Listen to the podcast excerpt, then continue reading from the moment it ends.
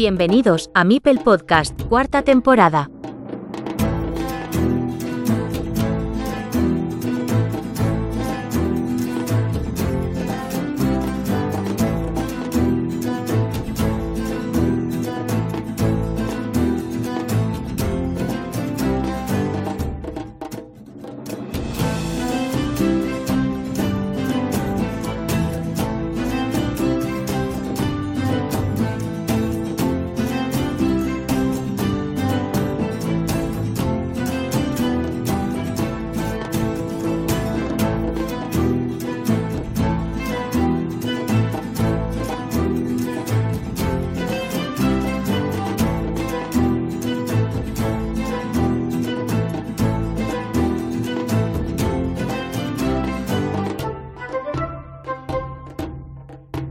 Ma Marco Na Naín Ro Rodríguez Ri Rivas. Marco Naín Rodríguez Rivas. Manarori. Bienvenido a Mipel Podcast. Gracias Joaquín, un gusto. Este es tu nick, no tiene mucho secreto, pero para conseguir enterarme de tu segundo nombre he tenido que verlo en los clasificatorios al mundial. El segundo nombre dice Osvaldo que no todo el mundo lo suele usar en México. Sí, este, los segundos nombres por lo general son más, más en corto, o sea, uno como que tienes un nombre favorito, ¿no? No necesariamente el segundo. Este es el que no usas. Entonces, como hay un nombre que, que es menos frecuente usar, utilizar. Por cierto, Osvaldo nos dijo en su entrevista que no volvería a jugar en, en, un mundial, que se retiraba, aunque vería la posibilidad de participar en el nacional de esta edición, que acaba precisamente de finalizar. Pero hay quien me dijo que esto ya lo había planteado en otras ocasiones. ¿Tú qué piensas? ¿Se retira o lo volveremos a ver? Pues la verdad es que no sé. Eh, sí comentó que, que, como este fue su décimo año, que ya, ya era el último y era su despedida. Entonces, pues parece, sí, si le hacemos caso, pues no, no volverá a participar. Eh, parece que se va a dedicar a otras cosas, como enseñar, este, enseñarle a algunas personas del juego. Y, y vaya, ahora en el, en el Nacional también este, nos comentó que ya no iba a participar tampoco en los torneos clasificatorios. Acabas de ocupar plaza para Essen en un mundial atípico desde el punto de vista de las clasificaciones, porque es la primera ocasión que aparecen, además de los campeones nacionales, pues el campeón de las Mind Sport Olympiads, un jugador elegido de cada uno de los cuatro combinados nacionales semifinalistas del WTCOC, es decir, el Mundial por equipos de Carcassonne Online. ¿Cómo lo ves? Pues la verdad es que me agrada, ¿eh? Este, hace que, que haya más gente en el, en el mundial eh, y aparte pues le da un valor a, estas competencias que, que se desarrollan eh, pues vía online. Este, y, y, eso me parece muy interesante. Me, me agrada muchísimo. Quiero hablar de Manarori de pero permíteme que pregunte antes por algunos de tus compatriotas. Por ejemplo, hay jugadores de gran nivel en México, como son, además de ti y Osvaldo, algunos como Elías Mochán, Andrea León y el finalista de esta edición con el que has jugado, Alejandro Vargas, también Sidarta Morales. ¿Qué otros añadirías? Y hazme alguna mención especial sobre alguno de ellos. Bueno, aunque ya no juega, no has jugado este, los últimos dos clasificatorios por México, este, Daniel Ayala, creo que es uno de los de los mejores también. Este, y como vive ahorita en Seattle, pues ha participado en, el Nacional de Estados Unidos los últimos dos años, siendo en el año anterior este campeón. Eh, Lidio, Lichida Killer en, BGA, él también me parece un jugador muy interesante.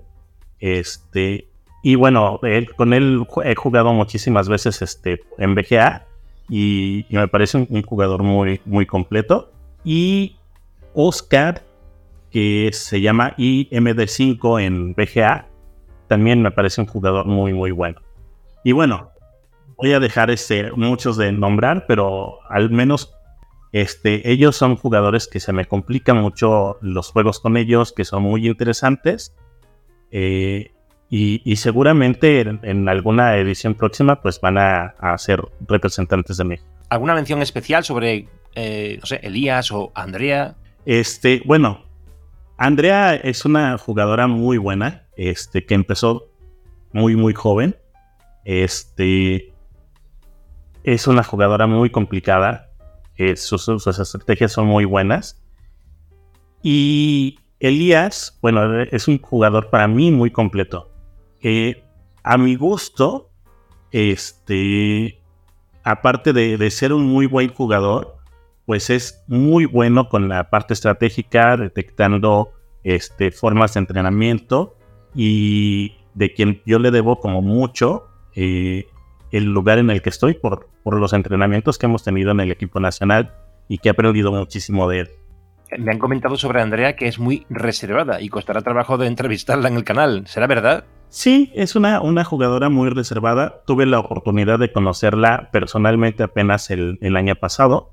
Este, es, muy reservada, pero pues es, muy agradable también, Andrea. No he tenido mucho la, fortuna de, de, platicar con ella, entonces no puedo compartir mucho sobre, sobre Andrea. Bueno, Accomplice Band, o sea, Elías Mochan, Osvaldo del Arco, ahora Manarori, en este canal Mipel Podcast. ¿Qué esperas de esta entrevista y qué aliciente tiene para ti participar en él? ¿Qué ves de positivo en esta divulgación, no solo del juego, sino también de la comunidad, de la gente de la comunidad internacional y en este caso de habla hispana? Bueno, creo que algo que, que veo y que seguramente ya se nota, bueno, es que México tiene muy buenos jugadores. Es que obviamente jugar contra México, aunque en este mundial por equipos bajamos un poquito de lugar, pues claro que siempre es, va a ser complicado jugar contra los mexicanos y que pues esperamos que, la comunidad mexicana siga creciendo y tener cada vez una, una competencia mayor y que el nivel vaya, vaya aumentando, ¿no? Como ha pasado con Estados Unidos, con España, este, con Brasil, que yo siento que son comunidades que han crecido mucho. Eh, a ver, vamos, vamos a hablar del nacional en el que te has proclamado campeón. Cuéntanos cómo ha sido el proceso de clasificación a grandes, a grandes rasgos y cuáles han sido las dificultades que has ido encontrando en tu camino hasta la corona. Bueno, aquí en México el nacional, eh, no sé si, si, en España es igual, eh, pero hay una ronda de torneos por tiendas este, para lograr un boleto para el Nacional.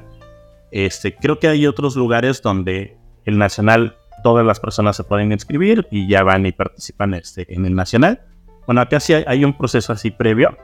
y yo obtuve el boleto este, porque quedé tercer lugar el año pasado. Y bueno, es, es una parte difícil en, en, México porque en provincia, yo vivo en Durango, no en el centro de, de, México, es muy complicado eh, que se logre hacer algún clasificatorio. Entonces, bueno, esa primera es una dificultad eh, grande para llegar al, nacional. Y ya estando en el proceso, bueno, este año creo que participamos 33 personas. estuvimos ahí. 33 o 34, no, no recuerdo bien. Y tuvimos nuestra fase de, de rondas suizas, de cinco rondas y fue muy complicado. El primer juego lo gané por 5 puntos. Eh, no tengo el gusto de conocer a, mi rival. Este, el segundo juego me tocó un juego muy complicado. Me tocó contra Oscar y MD5. Fue un juego muy difícil. El tercero y cuarto juegos también fueron complicados, pero creo que fueron más, este, más llevaderos. Y el quinto me tocó contra un jugador de, Tabasco, Enox, en, en, BGA, y fue un juego muy difícil. O sea, fue, fue un juego muy, muy complicado. Entonces, llegué, o sea, logré llegar, eh, terminar la zona de la fase de grupos invicto, y ya vino la, la parte de, de, semifinales. Una cosa que noté de inmediato cuando vi la llave de semifinales fue bueno, si gano este primer juego que son los cuartos, la siguiente ronda va a estar súper complicada porque yo, o sea, notaba ya que me iba a tocar contra Osvaldo, que pues al final es un jugador muy completo, este ha sido campeón nacional cuatro veces y ha llegado a la final creo que seis, en seis ocasiones. Este, se repitió la, semifinal del año pasado y ahora pues tuve la, fortuna de ganarla por un punto. Eh, y en la final me tocó contra Alex, este, un jugador poblano. Este, y, y fue un juego muy interesante. Al creo que llevé la, la, ventaja al inicio del juego este, y la pude mantener casi todo el juego. Entonces, eh, eso facilitó mucho, pero pues fue un juego complicado. Al final, creo que los juegos más complicados que tuve fueron contra, contra Oscar, contra Enox y contra Osvaldo. Eh, Alemania diría que es un viaje siempre deseado a nivel personal, pero ¿te genera además cierta responsabilidad en la representación que vas a hacer allí respecto de tu país? ¿O lo ves más como una cuestión puramente individual?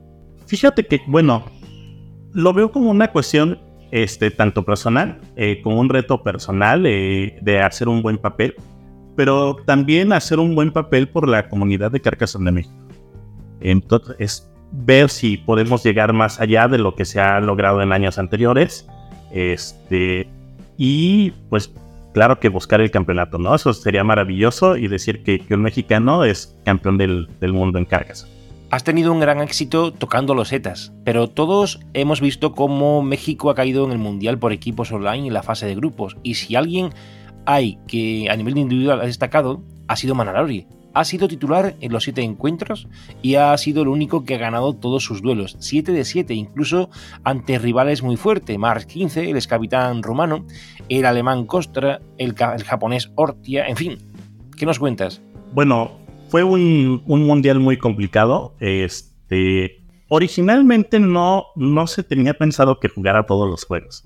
Eh, contra Guatemala yo no estaba en la alineación, eh, pero por un cambio de último momento, este, Miguel Sarapuxi en BGA no podía estar en, contra, en el duelo contra Guatemala y me tocó sustituirlo. De ahí en adelante, bueno, ya se fue manteniendo y la última semana eh, sí me preguntó Elías si quería buscar el, el 7 de 7. Ya le dije que sí, tenía la espinita y por eso entré en la, alineación, ¿no? Eh, fue complicado porque, bueno, sí, caímos al lugar 21 como equipo. E, esa parte, pues claro que duele. Prefería este, haber perdido todos los duelos y que hubiéramos llegado más, más lejos. Pero, pues al final, sí es, es una satisfacción haberme ido invicto, ¿no? Eh, esperamos que el siguiente año tengamos un mejor desempeño. Eh, y llegar más adelante en, el Mundial. Sí, la mejor clasificación fue el año pasado que quedasteis onceavo. Bueno, en 2021 también quedasteis eh, doceavos de 29 selecciones. la, repetís el, bueno, la situación de la primera... Eh, la primera edición. En la primera edición quedamos en 21. Nada más que solamente éramos 21 equipos. En aquella ocasión fueron, fuisteis últimos, claro. Exacto. Y en esta ocasión, pues somos este 21, pero de 32, ¿no? Correcto. Bueno, hablando sobre esto, el juego online o el presencial, hay jugadores que se les da realmente bien tocar los setas. Y hay otros que tras mucho jugar en la Board Game Arena se resbalan, diría, al llegar al cara a cara. ¿Por qué crees que sucede esto? ¿Y por qué Marco Rodríguez tiene una habilidad especial para saber manejarse en ambos terrenos? Fíjate, Joaquín, que, es una situación bien extraña. Eh, esta, es complicado el equilibrar la parte de jugar en línea y la parte de jugar este, en, en persona, en físico. Una, porque por ejemplo en BGA eh, te indica en qué lugares puedes colocar la loseta, ¿no? Esa es una, una cuestión así de, golpe.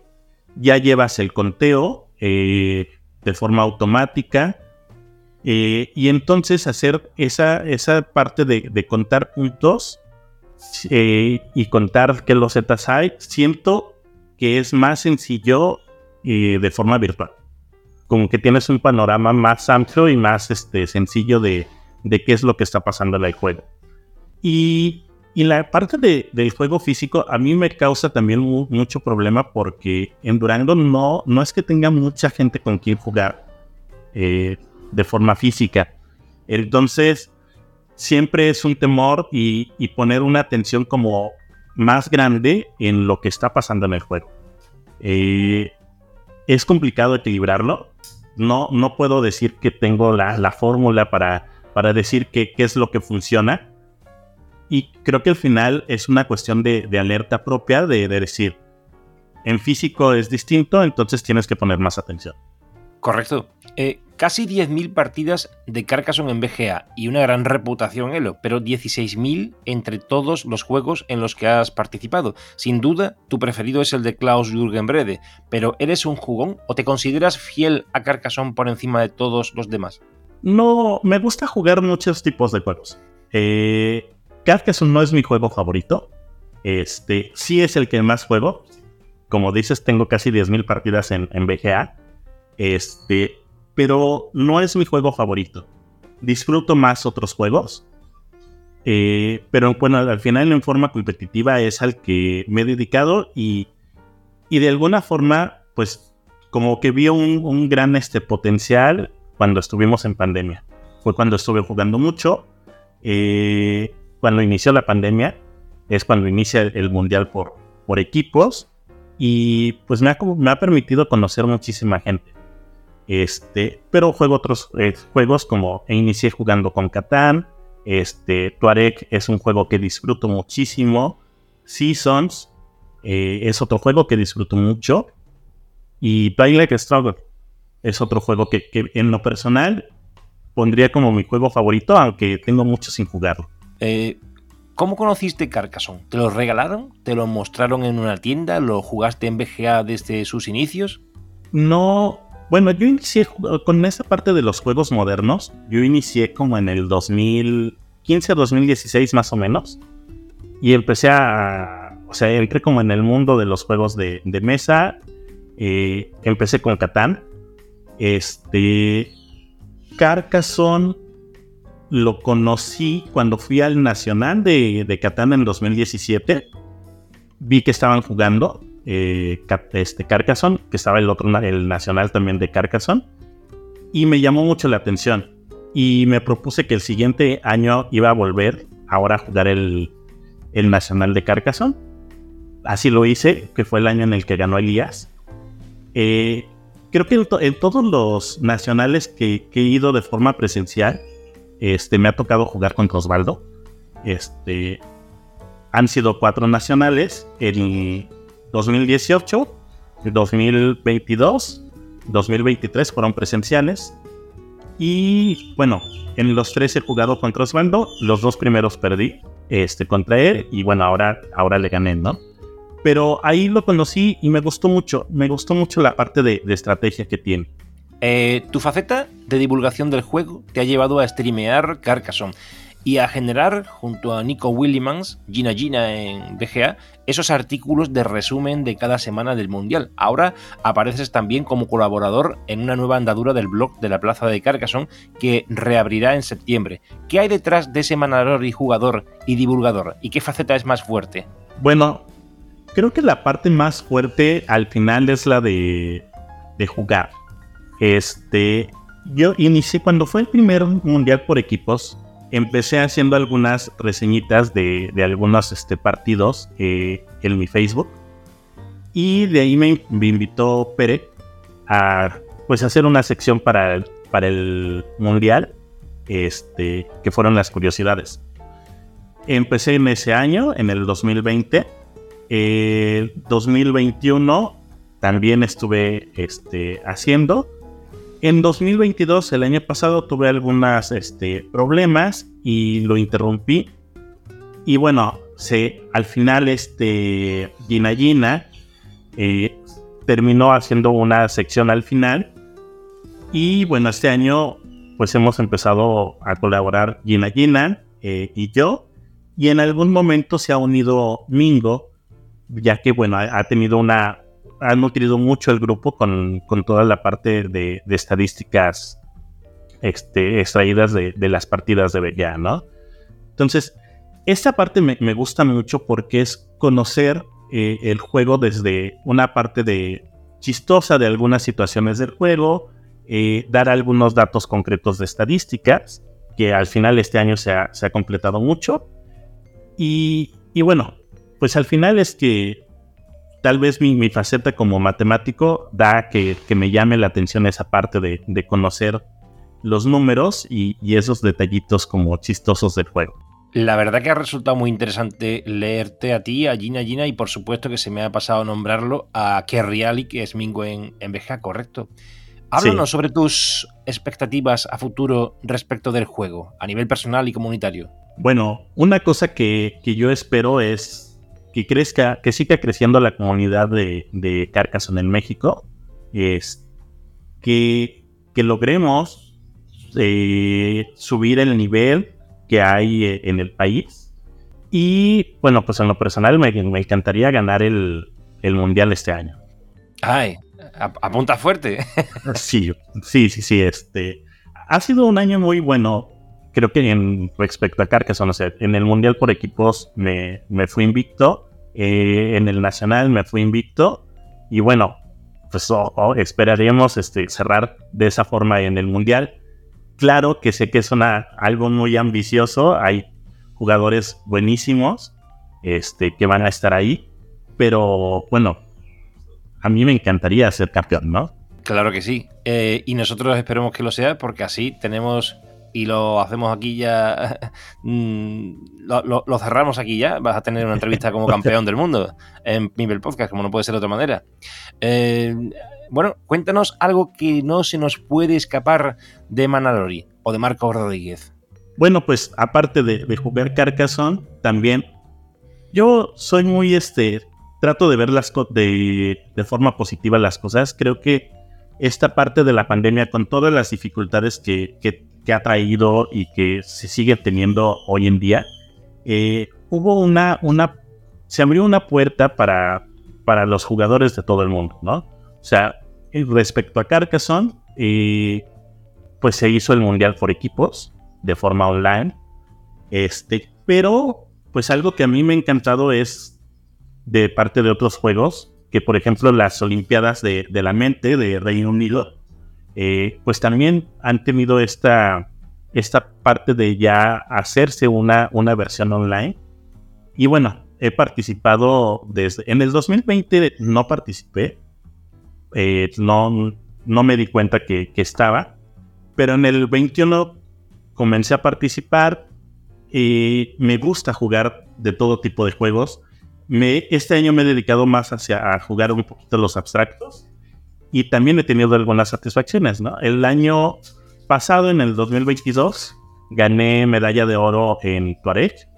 Este, si, si no miento, es la primera medalla de oro de, de, México este, en las Olimpiadas de la Mente. Este, y este año gané medalla de plata en Seasons y medalla de bronce en Toma 6. ¿Todo eso este año? Eso fue este año, Seasons y Toma 6. Y el año pasado fue Tuareg Oro. Este... Además, que es el juego que te gusta más, ya has comentado antes, ¿no? Exacto. Entonces, bueno, esa parte a mí me encanta jugar. Te digo, bueno, claro que vivir en provincia tiene esas dificultades. Este, y me gusta formar de, de me gusta jugar de forma competitiva entonces, pues esos espacios están padrísimos, ¿no? Otra cosa es, pues soy matemático, entonces eh, tal vez de forma inconsciente pues hay cierta facilidad hacia ciertas cosas de, análisis. Y, y, esta otra parte que ya mencionábamos, pues me gusta ver un poquito la, parte estadística de, y probabilística de, los juegos. eso me llama muchísimo la atención. Bueno, y hablando de ello, eh, tus trucos o algunos de ellos para mejorar en el juego competitivo? Híjole, pues creo que una de las cosas que, se necesitan son constancia. O sea, y, no constancia respecto a estar jugando todo el tiempo, aunque eso dice, aunque eso diga mi perfil en BGA, que estoy jugando casi todo el tiempo. Este, la constancia, eh, el análisis de, de las partidas, que eso lo ha aprendido mucho de, de Elías, y, y, jugar con, pues, con personas, este, con los mejores jugadores del mundo, ¿no? Esa parte, al final creo que es lo que te da un crecimiento mucho más grande. Otra cosa, pues realmente no, no la tengo, o sea, creo que conocer, tienes que conocer las partes del juego, conocer las losetas, conocer las cartas que hay, pero bueno, creo que eso pues ese es fundamental. Cuéntanos algún elemento táctico que para ti sea fundamental. Por ejemplo, Elías Mochan nos hablaba de la ley de la recta, por ejemplo. ¿Qué podrías desgranarnos, Manarori, en Mibel Podcast para su audiencia? Híjole. ¿Alguna, ¿Alguna cosa que te venga a la mente? Creo que una parte como muy fundamental en Carcassonne es darte cuenta de, la situación del juego en el que estás. O sea, a mí lo que me gusta es un poquito pensar en la variedad. Y entonces, eh, pues claro que en algún momento tratas de, pensar en, construir castillos grandes, pues te va a dar muchos puntos. Eh, pero creo que algo, algo fundamental es adaptarte al juego. O sea, si ves que hay una granja este, muy grande que la estás este, perdiendo y que ya es muy complicado que la puedas ganar, bueno, hacer puntos por otro lado. Este, si ves que se está haciendo un castillo demasiado grande y que si te lo cierran vas a perder el juego, pues buscar este, detener los, el, o sea, que no se cierre y hacer que el rival gaste meeples. Eh, creo que en un inicio, una de las cosas que a mí me gustan mucho, pues es bloquear los meeples de las personas. Este, pero hay que adaptarse porque pues no siempre te sale eso, ¿no? Claro. Bueno, vamos cerrando este capítulo, esta entrevista al campeón mexicano y quería conocer qué haría falta, bajo tu opinión, para que Carcassonne dé un gran salto. Ejemplo, en 2001 y tras su, tras su primer Mm, año de publicación el Spiel de Jahres o Juego del Año en Alemania. Luego BGA, entre otros sitios web, claro, pero principalmente BGA. En esta tercera década serán las comunidades y estas iniciativas de divulgación, la gestación de grandes torneos, ese hermanamiento a nivel internacional para llevar Carcassonne a otro nivel. ¿Qué, qué piensas? ¿Cuál sería digamos, ¿qué, haría falta para que Carcassonne dé un, un gran salto? ¿Lo ves en ese sentido, en esa línea, o tienes otras ideas? Fíjate que, bueno, a, mí esta parte que ha tenido en esta década ha, tenido un crecimiento muy grande. Carcassonne, este, en esta última década creo que la, parte fundamental ha sido que las comunidades que se han hecho en cada, en cada país, ¿no? Eh, estas comunidades grandes donde enseñan el juego, eh, donde hay mucha divulgación, donde hay muchos torneos locales, y que creo que hay un ejemplo a seguir es Brasil. Este, que Carcassonne Brasil ha, crecido muchísimo. Tú entras a BGA y hay muchísimas personas con, que son brasileños y que los identificas porque aparte traen el lobito este, de Carcassonne Brasil. Esa parte creo que ha sido muy, muy importante. Algo que, a mí me parecería muy, muy interesante y, que le daría un plus muy grande, pero también se me hace muy complicado, es que el Mundial por equipos en alguna ocasión pudiera ser presencial. Se me hace muy complicado porque, bueno, hay que movilizar a muchísima gente y es una cuestión de recursos y para la gente de América Latina, bueno, eso es, es complicado. Este, pero esa parte sería muy interesante. Bueno, eh, alguien que recoja el guante, a ver si eso es posible. Eh, bueno, Marco, eh, gracias por acompañarnos. Encantado de tenerte en este canal. Gracias, Joaquín. Gracias por la invitación y un gusto estar aquí contigo. Te esperamos en otra ocasión. esperemos que sí, ya, ya después del Mundial, esperamos tener la, la otra entrevista. Un abrazo carcasonero a toda la audiencia.